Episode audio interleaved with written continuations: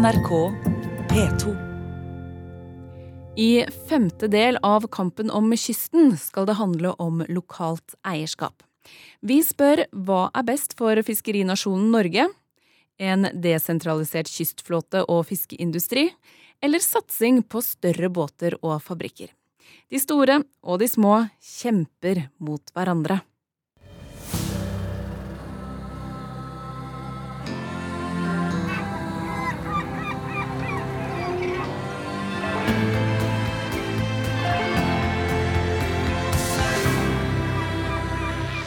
Hva er best? Lokalt eierskap? Eller bør store finansgrupper overta fiskeværene? Et eksempel på lokalt eierskap er Båtsfjordbruket i Finnmark. Bygd opp av Kjell Olaf Larsen, en levende legende på kysten. Kjell Olaf er en legende for at han har eh, ikke nødvendigvis tenkt på seg sjøl eh, når det kommer til å drive bedrift. Eh, han har kunnet ha tatt ut eh, mer personlig, gjort en del valg som har gjort at han hadde kunne tjent mer penger. Men det har ikke vært viktig for han Kjell Olaf. Virker nok sånn i hvert fall. Og han har heller da tatt pengene tilbake i bedriften. Det å sikre gode og stabile arbeidsplasser. Det er noe å se opp til? Ja, absolutt. Det er veldig å se opp til.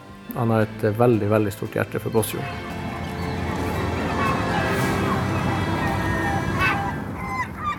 Frank Kristiansen er ny daglig leder ved Båtsfjordbruket etter at Kjell Olaf Larsen har fylt 70 og er blitt pensjonist. Men den samfunnsbyggende arven fra Kjell Olaf blir videreført. Det som er viktig for oss her i Båtsfjord, er jo at eh, vi skal jo bo og leve i, i, i lag her oppe. Da, da, hjelper det ikke det om, eh, om naboen eh, sitter kjemperik og hvis alle andre sulter rundt oss. Det, det må være mentaliteten for fremtida, det å ta vare på hverandre, sånn at vi, vi lever godt i lag. Da Kjell Olaf Larsen kjøpte Båtsfjordbruket i 1981 med 40 ansatte, møtte han problemer. Men han hadde likevel én førsteprioritet han har holdt siden. De ansatte. Det var jo ikke lett i, i den tida. Det var, da har vi akkurat hatt selinvasjon, og det var lite fisk. og i det hele tatt så eh, og så var det jo selvfølgelig det der å holde, holde helårsproduksjon, at folk hadde en jobb å gå til. Det var prioritet nummer én, egentlig. At vi selvfølgelig skulle vi tjene penger, men jeg ønska også at de skulle, skulle gjøre det. Fortell litt mer om eh, din prinsipp for bedriften. Jeg vet ikke om så sterke eh, prinsipp, men det var i hvert fall tanken og, og, og, ambisjonene, det var at de folket som jobba på Båtsfjordbruket, skulle ha så godt som mulig helårs arbeid. For ikke sant, du bor på en liten plass. Du er en del av det samme samfunnet. Vi treffes på arbeid, vi treffes på butikken, på fest, i begravelse. Det er de, akkurat de samme folket. Og jeg ønsker å være en del av de samme folket. Så enkelt er det.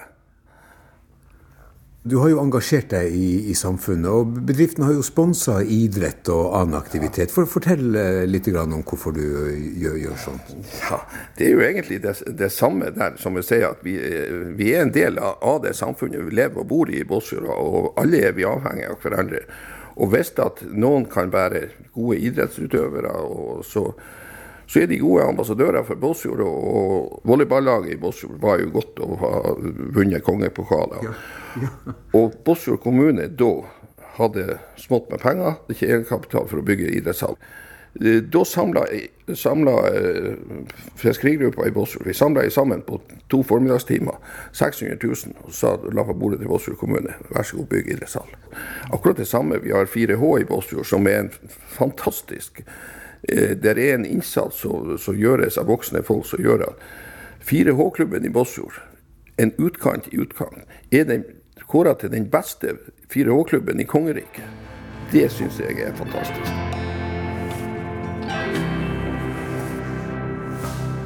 Ja, vi er avhengige av hverandre, og vi, vi, liker å samarbeide. Vi liker å krangle også. Vi krangler som tusen rett så det er minnet, men så utad er vi enige. I Båtsfjord er de glad i Kjell Olaf. På kafé treffer båtsfjordingen Jan Rikard Hartvigsen. Formidabel og helt suveren i Båtsfjordsamfunnet. Det er sånne karer som Kjell Olaf og tidligere Hagbart Nilsen. Det er sånne folk Båtsfjord har dratt veldig stor nytte ut av og hatt veldig stor glede ut av. også kulturlivet, idretten og alt sammen. Så all ros til Kjell Olaf. Ordfører i Båtsfjord, Geir Knutsen. Kjell Olaf har vært en samfunnsbygger. Han har drevet bedriften sin, hatt mellom 50 og nærmere 100 arbeidsplasser, og ikke minst hele arbeidsplasser i en industri som har utfordringer hele tida med å skaffe råstoff jevnt over hele året. Og ikke bare det at han har hatt en fantastisk fabrikk som han har bygd opp og skapt industriarbeidsplasser. For uten arbeidsplasser så har folk flytta i hvert fall fra Båtsfjord. Han har deltatt i det frivillige organisasjonslivet. Han har vært med og sponsa fra 4H til idretten og hva det måtte være. Så han har vært en foregangsmann som jeg tror også har smittet over på det øvrige næringslivet i Båtsfjord. Kjell Olaf har også vakt internasjonal oppsikt. EU-kommisjonen, som har et program som arbeider for å fremme et ansvarlig næringsliv, har tildelt Kjell Olaf sitt Certificate of Excellence, og med det ført Båtsfjordbruket ytterst på Finnmarkskysten opp som forbilde for europeisk næringsliv. En bedrift som tar ansvar for sine ansatte og lokalsamfunn, drives godt og selger kvalitetsprodukter, sier EU-kommisjonen. Kjell Olaf sjøl blir noe brydd over alt fokuset på han. Båtsfjordbruket er ikke bare min fortjeneste, sier han. Vi fikk det vel til med, med felles anstrengelse og felles jobb og stor innsats. Det må jeg innrømme å si, eller det må jeg få lov å si, at de ansatte har vært meget gode medarbeidere i bedriften og fått inn en bedriftskultur som kanskje ikke så mange andre bedrifter har. Og vi har fiskere også, masse gode fiskere som, eh, som har levert fisk hos oss år etter år i flere tiår. Er det faktisk nå er det faktisk ennå båter som begynte, fremmedbåt som begynte å levere her i 81, og har vært der hvert eneste år siden da. Og det syns jeg det vitner om at de har vært tilfreds med det de har, det de har fått her.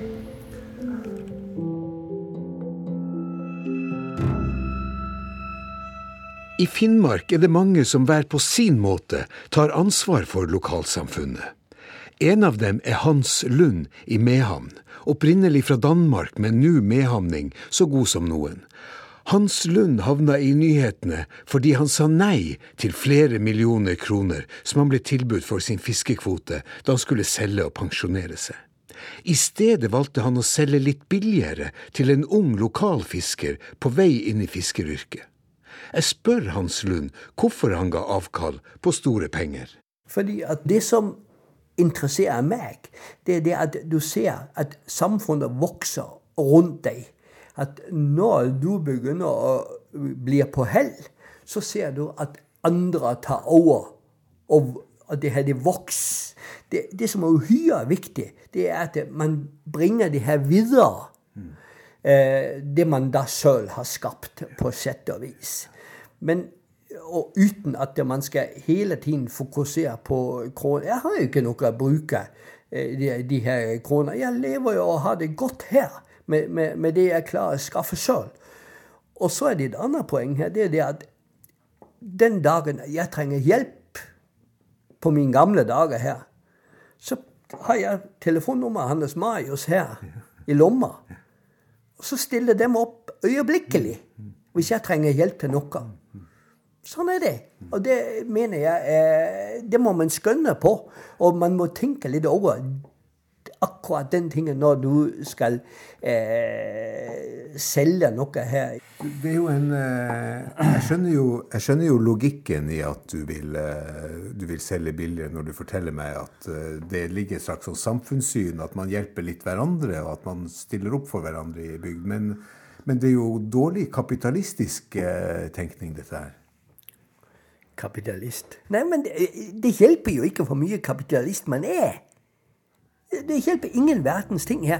Hvis jeg sitter her alene med ham med en hel haug med penger, og kan ha alt av livets goder rundt meg, og alle andre sitter svelt rundt meg, er det noe glede? Da har du bomma ganske ettertrykkelig, etter min oppfatning. Er, er, det noen som har sagt til deg at du er dum når du ikke tar alle de millionene? Ja. Så enkelt er det. Ja. ja. Men er det noen som har sagt til deg at du er klok for at du gjør det? Ja, det er det også. Ja, det er det også. Ja, jeg har fått masse positiv respons. Ja. Fordi det er tross alt massevis av folk som, eh, som uh, synes at det her er bra.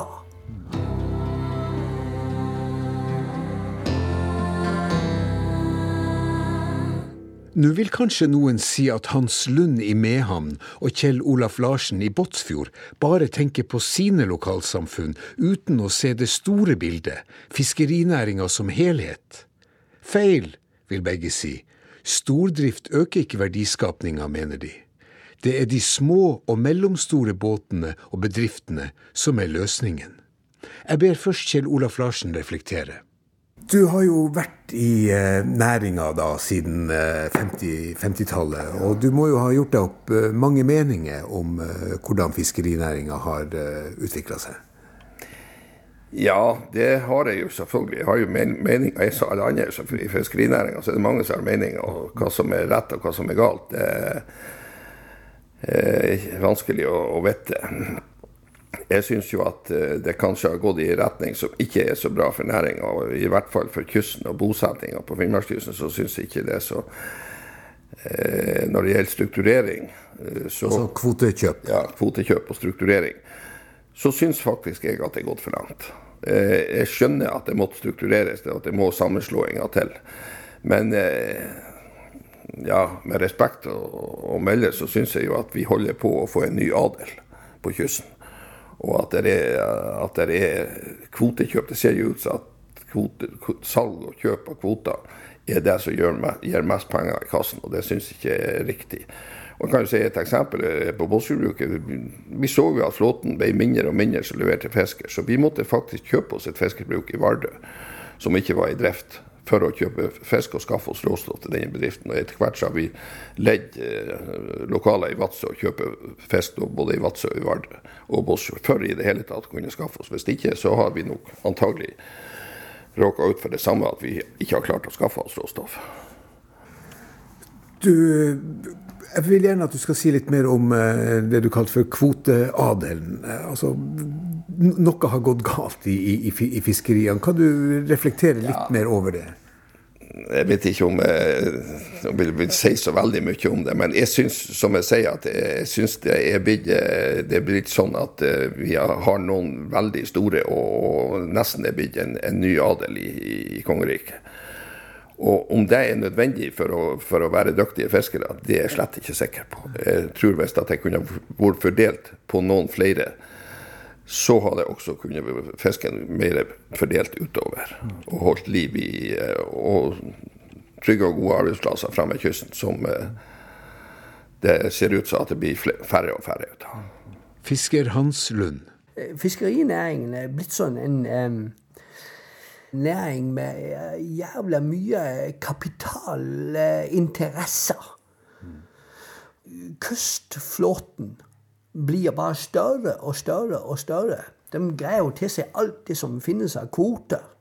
At du samler så mye kvoteenheter på én eh, aktør, er feil. Marianne Prytzlund er gift med Hans. Også hun mener at dersom konsentrasjonen om større enheter på sjø og land fortsetter, vil det knekke samfunn som Mehamn. Norge kan ikke fortsette en så gal fiskeripolitikk, sier hun. Så I et sånt lite samfunn som Mehamn så har vi jo en eh, solid eh, lokal flåte. Den er ganske liten, og den er væravhengig. Men så vidt jeg vet, så er det jo den minste flåten som genererer mest verdi lokalt. Fordi det er de som har familie lokalt, og som gjør at lokalsamfunnet i det hele tatt overlever. Mens de største båtene de har enorme lån, og de har enorme forpliktelser. Og så bor de ikke her, og så fisker de og leverer kun i perioder. Og så reiser de sin vei igjen uten at de har lagt igjen noe i et lokalsamfunn som da skal leve videre i de sesongene de ikke er her. Så de betjener jo da kanskje i mye større grad storkapitalen og bankene så den verdien som tas inn der, den kommer ikke nødvendigvis lokalsamfunnet til gode, eller kystfolk til gode. da.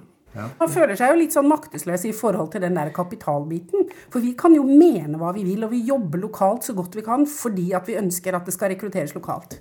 Når jeg drev og telte her nettopp i stad, mens dere pratet her, så telte jeg er det seks eller åtte stykk unge gutter som har etablert seg i løpet av bare de siste par årene. i hvert fall. Ja. Så vi har en veldig god rekruttering lokalt, og du har jo vært en av de der eh, pådriverne for det. Og det syns jeg er knallbra, fordi vi er helt avhengige av, selv om vi andre på land ikke alltid tenker sånn, så er vi jo helt avhengige av at fiskeriene eksisterer. Hvis ikke så dør de jo ut, og det vet vi når det gjelder kystsamfunn. Så vi vil jo gjerne, vi har ressursene utafor døra. det er klart Vi vil jo gjerne få lov å fortsette å bo her.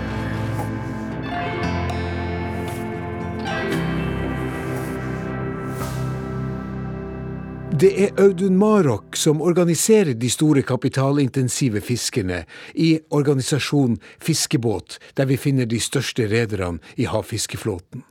Han deler ikke bekymringa til Marianne Prytz Lund og Henrik Lund og Kjell Olaf Larsen. Kjøp og salg og sammenslåing av kvoter, utvikling mot større enheter, er tvert imot helt nødvendig, sier Marok. Det gir bedre lønnsomhet for rederiet.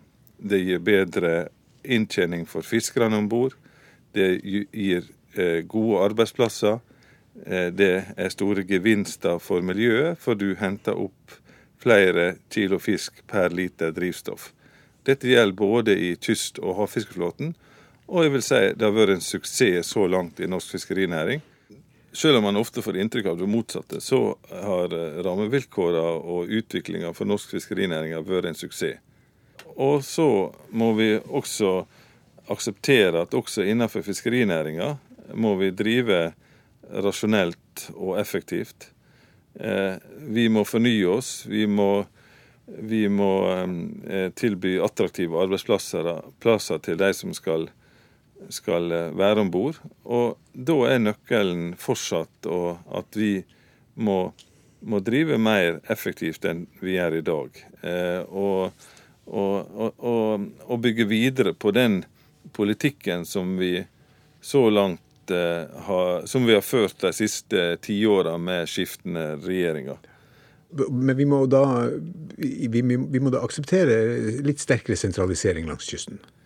Jeg tror nok at eh, vi fortsatt vil se en, eh, en uh, viss sentralisering langs kysten. Men uh, det er ikke et mål i seg sjøl for oss. Vi ønsker, som jeg sa, en, en spredt eierstruktur, og vi har tatt initiativ for at vi nettopp skal ha det, og, og, ønsker for så vidt det i fortsettelsen. Men vi ser jo en utvikling som går i den retning i fiskerinæringa som i alle andre næringer. Steinar Eliassen er en nestor i næringa med flere tiårs erfaring som eksportør og eier av fiskebruk i Finnmark og Troms. Han mener Marok sin stordriftsfilosofi er helt feil. Trålerne som Marok organiserer, er passé, sier Eliassen. Nei, altså eh, trålerne er jo sånn sett eh, verdiødende. For det første så er det den dyreste måten å fange fisk på. Krever mest eh, energi, olje. Eh, forurense. De får de største subsidiene fra den norske stat, som enda er der i form av eh, Eh, at de ikke betaler oljeavgift på, på diesel. Og, eh, og så eh, er Altså, teknologien er rett og slett passé i forhold til å skape de største verdiene av hvert kilo fisk. Trål er ikke det store fremtidsredskapet for å fange fisk? Nei, på ingen måte. Det, det, det kom inn en gang da man trodde at de kunne skape jevn eh, råstoff for eh, sysselsetting på land. Det viste seg jo at det fungerte jo bare sånn halvveis. Og, eh, og, og, slett ikke i dag, når frossen filet på ingen måte er et luksusprodukt. Sånn at når du går inn for, eh, for, en, en, en, kystflåte og, en, en en bosetting langs hele kysten, så, så er det av, eh, av, hensyn til eh, Også av hensyn til kvaliteten på, på, det vi skal levere til verdensmarkedet. Ikke bare kvaliteten, men det, det, betyr jo at vi får flere kroner og øre for det. Vi får jo mer å leve ut av. Vi får jo et, et grunnlag for å skape en, en, økonomi, en solid økonomi. Det er klart, når du flytter produksjon fra land og ut på trålerne, tar råstoffet, fører det ut av landet, det legger igjen legger igjen ca. ti øre per kilo et, en frossen torsk fra en tråler. Ti øre per kilo legger det igjen i form av lønn på land. Mens vi som er produsenter av uh, ymse produkter legger ifra ja, 4 til opp i 20 kroner kiloet. Altså 40 til 200-gangen legger vi igjen i form av lønninger. Sånn at, at når, du, når, du, mister muligheten til de ringvirkningene og bygger samfunn og skaper verdier, så, så, eh, så, så er det klart at da, da, da det jo, forrykker det jo hele fundamentet. Akkurat så, så, så, små kystsamfunn er faktisk etter din mening en, en, en betingelse for å, å, skape bedre lønnsomhet i fiskerinæringa? Ja, det er jo opplagt det. For eh, du kan ikke frakte en, en, fisk mer enn et eh, døgn eller to før at den er dyrere å bearbeide. Og du ikke klarer å få det ut av den som du klarer å få når den kommer blodfersk på land. De, og, og, da vil det si at da er du nødt til å ha en spredt, en spredt struktur på produksjonsanleggene. Du må ha mange, og da vil det jo si at du må ha relativt små anlegg for å kunne betjene hele kysten. For fisken spres langs hele kysten, og, vi, og, og det, det, lar seg ikke å transportere den elektronisk.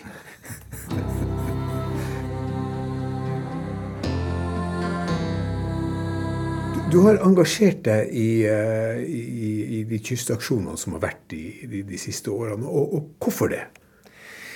Altså, det er jo to ting. For det første så syns jeg det at den tenkninga som de kystaksjonene har stått for, så er det jo for å skape verdier på kysten.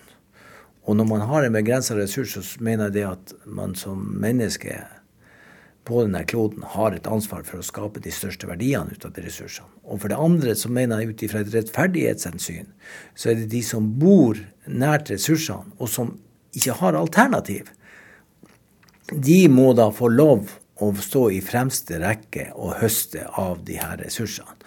Og det er også et poeng at eh, skal man få det maksimale ut av det, så må man behandle hver enkelt fisk og da skal det mange hender til, og da mange hoder til. Og da må man spre de her verdiene, eller gjøre muligheten for å spre de her verdiene på så mange som mulig. Det, ingen, det er ingen logikk i at det her skal sentraliseres på noen få som bare tenker tonn, og ikke verdier. Kroner per kilo. Vil ikke noen si at du er en gammeldags eh, romantiker som, eh, som ikke er på parti med fremtiden?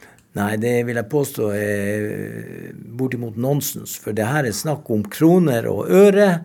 Og det, det her råstoffet er så eh, delikat, eller så eh, lettbedervelig, for å bruke et sånt ord, at man må ta, det må behandles med forsiktighet og, og respekt. Da får du de største verdiene ut av hvert kilo, og da får du også skapt de største eh, verdier for nasjonen Norge, og du får spredd den på flere.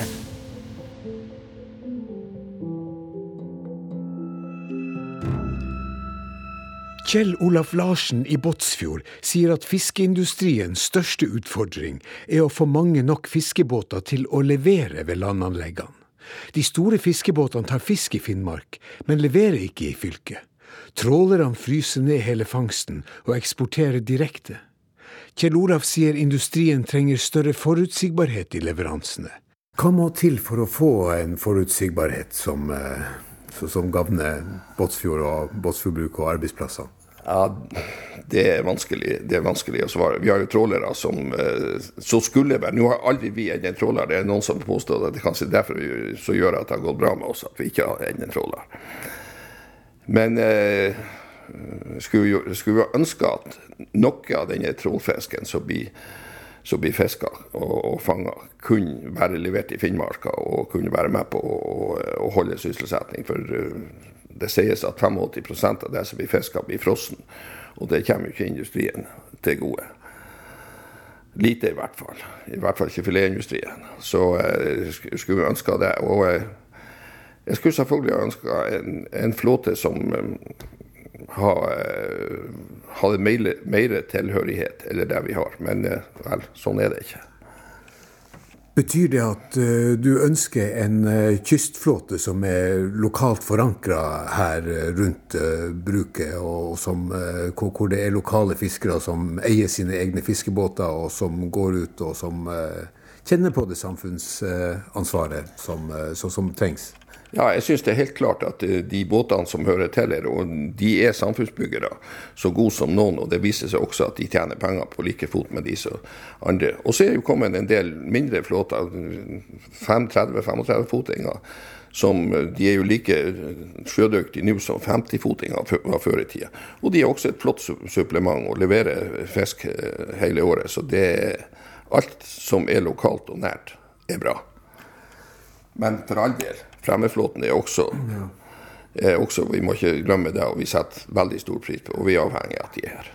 Men altså, forankringa mener du må ligge lokalt, så en fiskeripolitikk for fremtida bør sørge for en, en lokalt forankra eh, kystfiskeflåte, er det det du sier?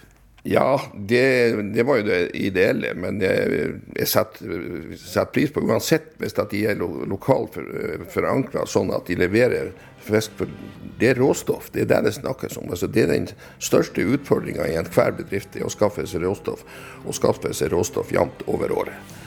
Og Hvis man får det, ja, så lykkes vi. Det, og så lykkes norsk fiskerinæring også. Det er jeg helt sikker på.